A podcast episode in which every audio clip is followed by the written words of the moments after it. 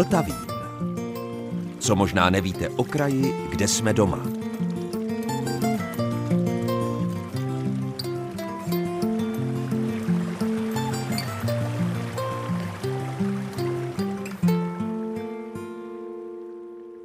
Posloucháte Český rozhlas České Budějovice, posloucháte Vltavín a dobrého dny i poslechu vám od mikrofonu přeje Zdeněk Zajíček. Léto je doba toulek po krajích různých, tedy nejenom krajích českých a moravských, ale i jiných, dalekých a blízkých. A my se budeme během léta toulat ve Vltavínu také, a sice krajinami historickými. Vybral jsem pro vás totiž archivní záznamy, které ač jsou většinou 20 a více let staré, tak nezestárly. A to ani po technické, ani po obsahové stránce. Čeká nás probírka historickými texty o korunovaci Rudolfa II., o rožumberském domíniu a společenských i ekonomických událostech doby posledních rožumberků. Není to tak dlouho, co jsme mohli sledovat slavnostní složení slibu nového prezidenta České republiky. Rituály uvedení do funkce nového prezidenta, nového panovníka či jiného typu hlavy státu či království mají své staleté tradice. Ačkoliv eh, máme třeba v případě Rudolfa II. Habsburského zafixovánu jeho podobu s Janem Verichem a trošku úsměvnou verzi tohoto příběhu, tak Rudolf II. byl regulérním vladařem českým, tedy králem. A jak to bylo s jeho korunovací, o tom natáčel Jaroslav Klíma s Alešem Stejskalem na přelomu tisíciletí. Současné uvedení vlády nebo prezidenta do úřadu má svá zvláštní pravidla. Myslím si, na rozdíl od takového pozdního středověku, asi patřičně jednoduchá. Pane magistře, jak vypadala třeba taková korunovace Rudolfa II. Víme to? Tyto nastolovací akty jsou vždycky takovým nuceným státotvorným divadlem. Nemůžeme říct, zda ten či onen politik, ta či ona osoba, ten či onen zúčastněný se zúčastňuje nebo angažuje se v tomto státotvorném divadle rád, nebo jestli tam projevuje nějaké své osobní sympatie nebo antipatie k tomu či onomu, ale vždycky je to prostě pevně daný rituál. Jehož porušení se vždycky trestá a není možné ani u lidí svobodomyslných nebo nějakým způsobem nesouhlasících s tímto rituálem. V českých zemích byl korunovační řád pevně ustanoven díky aktivitám Karla IV., který nechal ten korunovační řád, a samozřejmě také korunovační klenoty, o tom posluchači zřejmě velmi dobře vědí, nechal sestavit a v tom korunovačním řádu se odrážely vlivy z jedné třetiny asi francouzské, to nás nepřekvapí, z jedné třetiny německé a jedné třetiny také tradičně české, které odrážely nastolování přemyslovců na ten kamenný trůn. Pokud se týká samotné korunovace Rudolfa II., tak se nám zachovalo značné množství pramenů jak z německého, tak z českého prostředí. A poněvadž se nacházíme v tom našem geografickém prostředí jeho českém, tak si řekněme něco o těch jihočeských. I tady máme poměrně přesné líčení, které přepsal Václav Březan, kronikář posledních Rožmberků, v roce 1611 na přání tehdejšího svého pána Petra Voka z Rožmberka, kterému do konce života zbývalo pár dnů a ještě za tohoto života zažil ne na vlastní oči, ale díky spravodajům korunovaci Rudolfova bratra Matyáše II. v roce 1611 a byl zvědav, jak obě tyto korunovace souvisejí. Pověřil tedy Václava Březana tím, aby zajel do Písku k Václavu Vrouteckému, to byl tehdejší vzdělanec, s nímž měl Rožmberg dobré kontakty a jemuž svěřil také některé záležitosti své poslední vůle. A Březan si od Václava Vrouteckého vypůjčil tento popis korunovace Rudolfa II., která se odehrávala v Praze v roce 1576, tedy v době, kdy Petr Vok byl vlastně mladíkem, který na Bechyni zažíval ta příjemná dobrodružství a kdy se mohl navrátit jaksi do dob svého mládí, mohl si zaspomínat také na svého zemřelého bratra Viléma z Rožmberka, který tehdy jako nejvyšší pražský purkrabí podle právě toho rituálu korunovačního vložil společně s pražským arcibiskupem Rudolfovi II. ve tři čtvrtě na deset, jak poznamenal kronikář, protože v tu chvíli, když synovi Rudolfovi vkládali korunu na hlavu, se otec Maximilián II. podíval hodinky, ve svatovícké katedrále, tak si mohl na tyto záležitosti zavzpomínat. Bylo to asi jeden z posledních rukopisů Březanových, který si Petr Vok přečetl, protože skutečně zanedlouho po vyplacení pasovského vojska zemřel. A my máme dokonce na tom líčení té pražské korunovace poznámku Březanovu, která svědčí o tom, že skutečně velmi promptně po sestavení těch historických zpráv je nechával Petru Vokovi přečíst a ten je svým způsobem kolacionoval nebo k něm dával určité výhrady a podobně. Takže to je poměrně zajímavý pramen z tohoto období, který nám popisuje přesně samozřejmě jednotlivé kroky tohoto státotvorného divadla, jak jsme řekli. Jeho české město Kaplice najdete kousek od česko-rakouských hranic. Dnes se tady kolem staví dálnice směrem na Rakousko a zpět. A historicky vzato bylo toto území vždycky něčím, čemu dnes říkáme transitní. A transitovali tudy, tedy spíše česky řečeno, cestovali a nocovali tady i význační lidé. Archivář František Firbach nám ve čtvrt století starém záznamu předloží fakta o tom, co takové nocování mohlo kdysi stát. A bude to hodně. Nedivte se, bylo to nocování císaře Maximiliána. Ve známém souboru Třeboňského archivu historika Třeboň je uložen zajímavý výkaz nákladů na přenocování krále Maximiliána a jeho průvodu v jeho českém městě Kaplici, které muselo zvládnout neobyčejný počet osob a koní odpočívajících v něm na cestě z Prahy, kam byl Maximilián povolán císařem Ferdinandem I. a do Lince. Na první straně nahoře je tento nadpis. Léta 1562 v sobotu po neděli invokávit, to bylo 21. února, poznamenáno, co při příjezdu jeho milost krále Maximiliána když přes noc v kaplici ležetěráčil, utraceno jest vše na groš míšenský počítajíc. Na dalších stranách se popisuje, u kterého měšťana kolik koní bylo ustájeno a kolik se spotřebovalo obroku a potravin. Celkem je jmenovitě uvedeno 54 osob, včetně faráře, u nichž bylo ustájeno dohromady 389 koní, pro něž se spotřebovalo 95,5 džberu ovsa. Celkové výdaje za oves, jídlo, pití a svíčky činily 83 kop 41 grošů a přenocujícím se obvykle poskytl oves, seno, sláma, jídlo, svíčky, preclíky, smetana, víno, pivo bílé a běžné, chléb a ryby. Dále byly výdaje účtovány za láku rivoli za 8 věder, za láku vinného octa, ta láka to byl sud asi 70 litrů obsahu, za žemle, za tři čtvrtě soli, za 12 liber svíček, za vůz slámy, kterou pod koně a kočí vosly, jeho milost krále dána, na koně kočí mesky krále a dvořanu dáno oves 26, za seno a slámu, dále kvartýrmajster sám čtvrtý utratil u rychtáře podle cedulky tři kopy, Komtfurier, co ten podle cedulky protrávil jednu kopu a suma všeho u toho čepláka učinila 47 kop 15 grošů. Největší výdaje vykázal rychtář Šeplák, u něhož přenocoval sám král Maximilián. Tento šeplák rychtář sobě za vydání položil podle rejstříku od něho sepsaného německy na myšinský groš. Poslu na Nové hrady, posíla je pro slámu do vsi, poslu z listem k panu Opatu do Višňobrodu, za dva vozy uhlí do kuchyně, za sedm vozů uhlí do kuchyně, za 60 prken k zbíjení dvou kuchyní, za 300 hřebíků k zbíjení, tesařům oddělání a zbíjení dvou kuchyní a tesání nádeníkům, kteří zem a písek k ohništím naváželi, čtyřem po osmi, od podležení dvou ohniš zadníkům. Za protrávení formana, který z Krumlova víno a některé potřeby do kaplice přivezl a ten přes noc zůstal. Za půl kopy matky boží ryb, které Urban vzal, za dvě telat, za dva sudy bílého piva a rychtáři Benešovskému za čtyři vědra vína.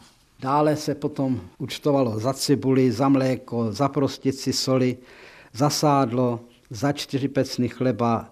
Dále ten pekař spekl pět vertelů mouky na bochníky i za pečení a více dal do kuchyně tři libry vepřového špeku, piva bílého dva věrtele a za 8,5 džberu ovsa a za seno a slámu a odslaní a tak to vyučtoval na 13 kop 8 grošů. Jak už to při podobných příležitostech bývá, vyskytlo se i tady podezření z podvodného jednání, což však pan Petr Vok velkoryse zažehnal. Totiž, jakož je stíž rychtář Šeplák k příjezdu jeho milosti krále Maximiliána 18 věder, a to na připsání pana kanclíře, vína za 44 kop 34 grošů, zláku rivoli za 6 kop 48 grošů, do domu svého objednal, že to víno a rivola vůbec na rabuše a v ruby vydáno jest. A když jsem já, Zikmund Kába, při sčítání u něho se na to ptal, kde jest mu takto víno a rivolu vydávat ti rozkázal, jiné vejmluvy neměl, nežli, že jest se nadál, že to tak vejti má a že jest za ně šenkýřka přes jednu kopu peněz utržila. Jež to mimo to pan Petr Voch přes tři stoly hostí držeti na stravě ráčil, bylo z Krumlova víno a Rogajev to a nadále i do jiných hospod v konvích posíláno, ráčil jeho milost pán jemu takové vydání pasírovati. A to činilo celkem 57 kop a 10 grošů.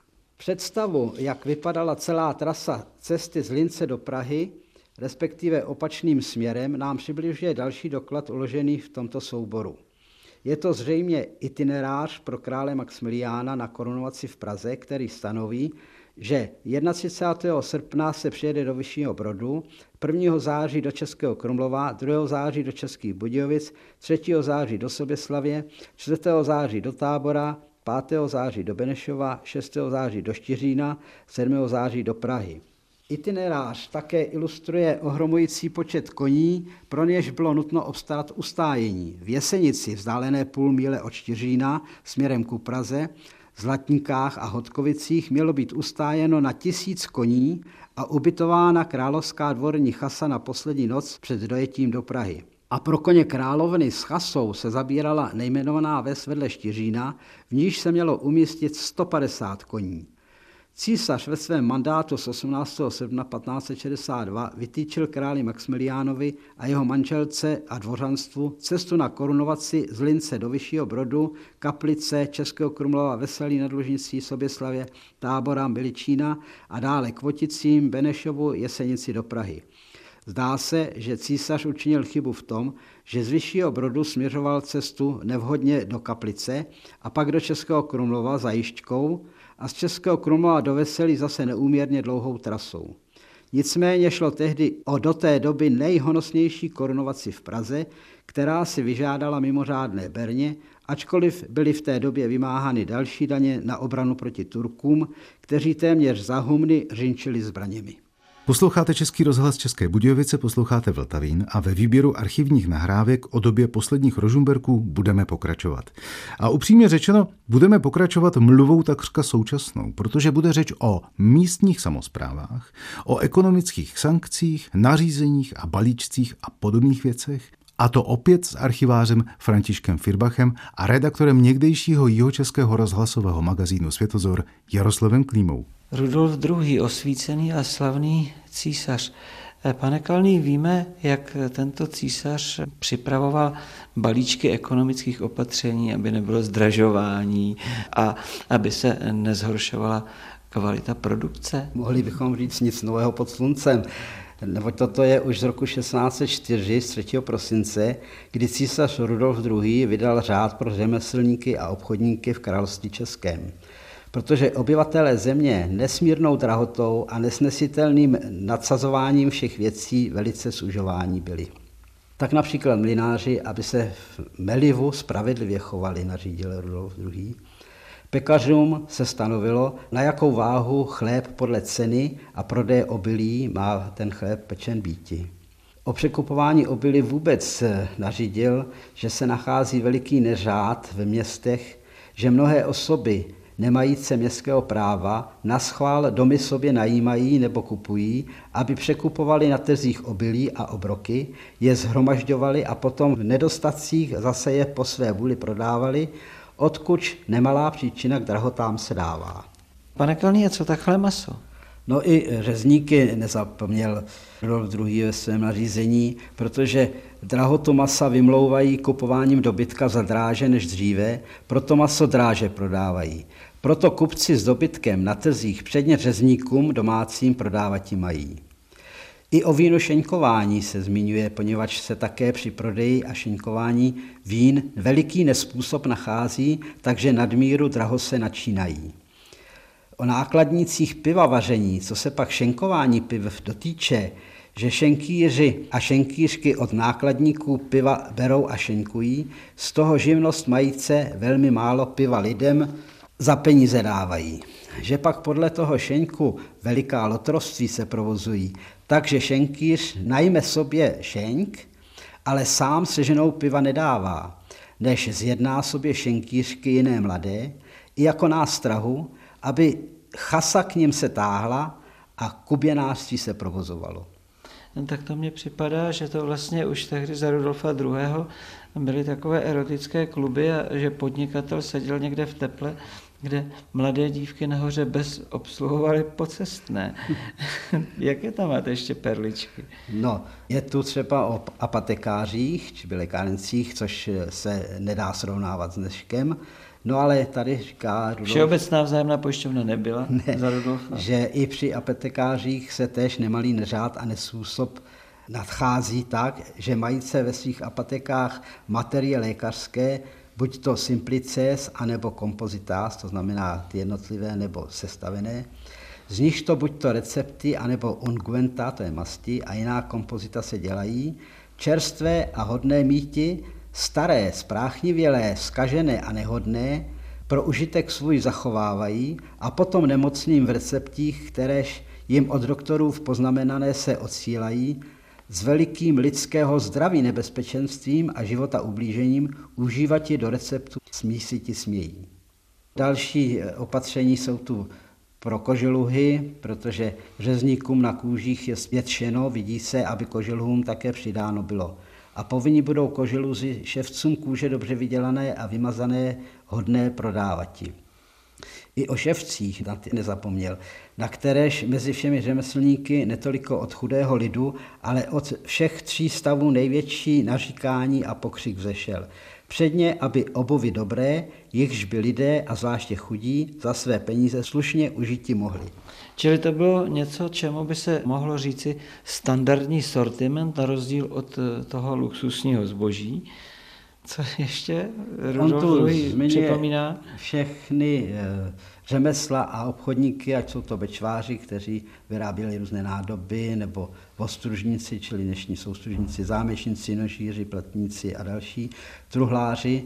A hospodáři vůbec, kteří oves, seno a slámu příliš draho prodávají a nemírný zisk a výdělek z toho mají, nebo o překupování pláten, nebo mnozí jsou, že dosti plátna za mírné peníze od přespolních kupují a sami zase velmi draho prodávají. Kočí, kteří proto koně... Taxikáři, to jsem se No, tak to jsou kočí, kteří proto koně na schvále sobě kupují, aby nimi v potřebu jednoho každého na cestu se propůjčovali, veliké své volnosti požívají. No a na závěr sám říká, a tak se vejš psaní obchodníci, handlíři a řemeslníci takovým toto nahoře položeným nařízením a ustanovením na budoucí časy z něho nikoli nevykračujíc, pod skutečným a neprominutelným trestáním říditi a spravovati mají. Tolik staré listiny. Pane Kalný, byly ještě nějaké zprávy o tom, zda se tato nařízení Rudolfa II. nějak dodržovala, trestala?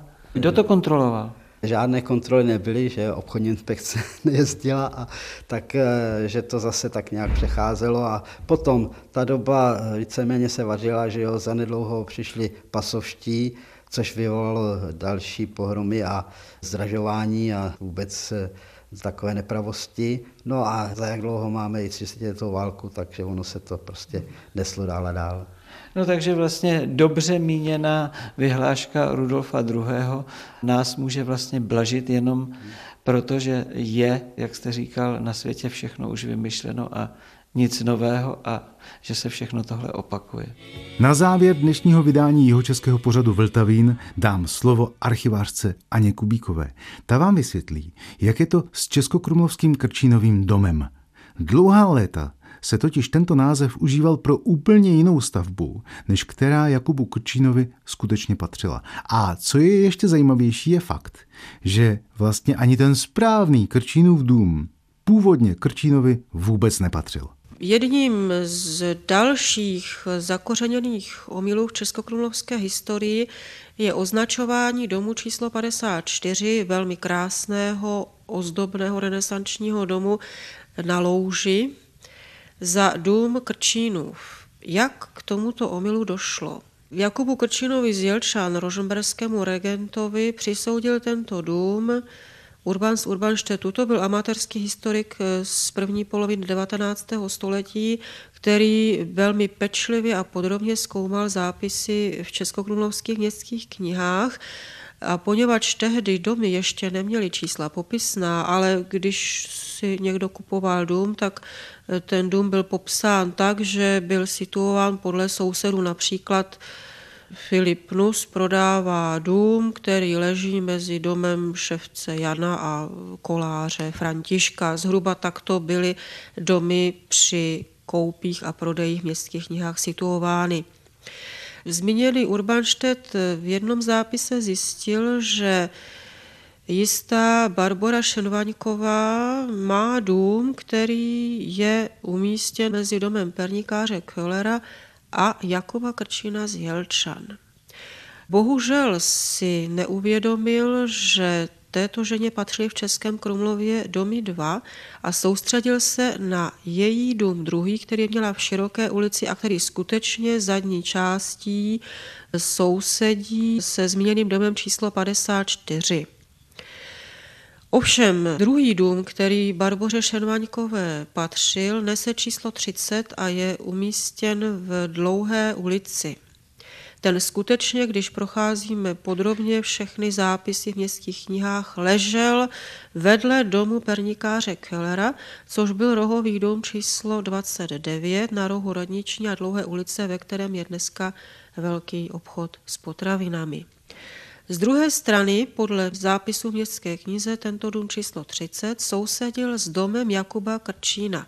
Když se tedy podíváme na místě samém, jaký dům to je, tak zjišťujeme, že o ním Krčínovým skutečným domem byl dům číslo 32, který vlastně je též rohový a sice stojí na rohu Panské a Dlouhé ulice. Je to dům veliký, monumentální.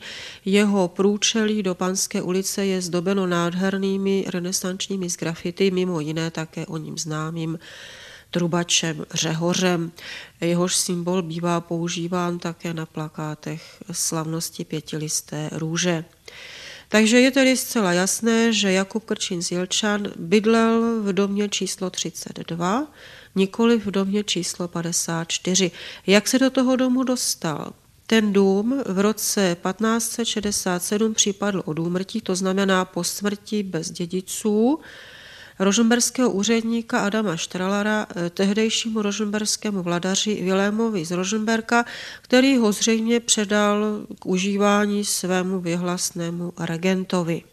Mimo jiné Krčínově rodině patřil také Latránský dům číslo 66, který vlastně vyženil se svou první manželkou.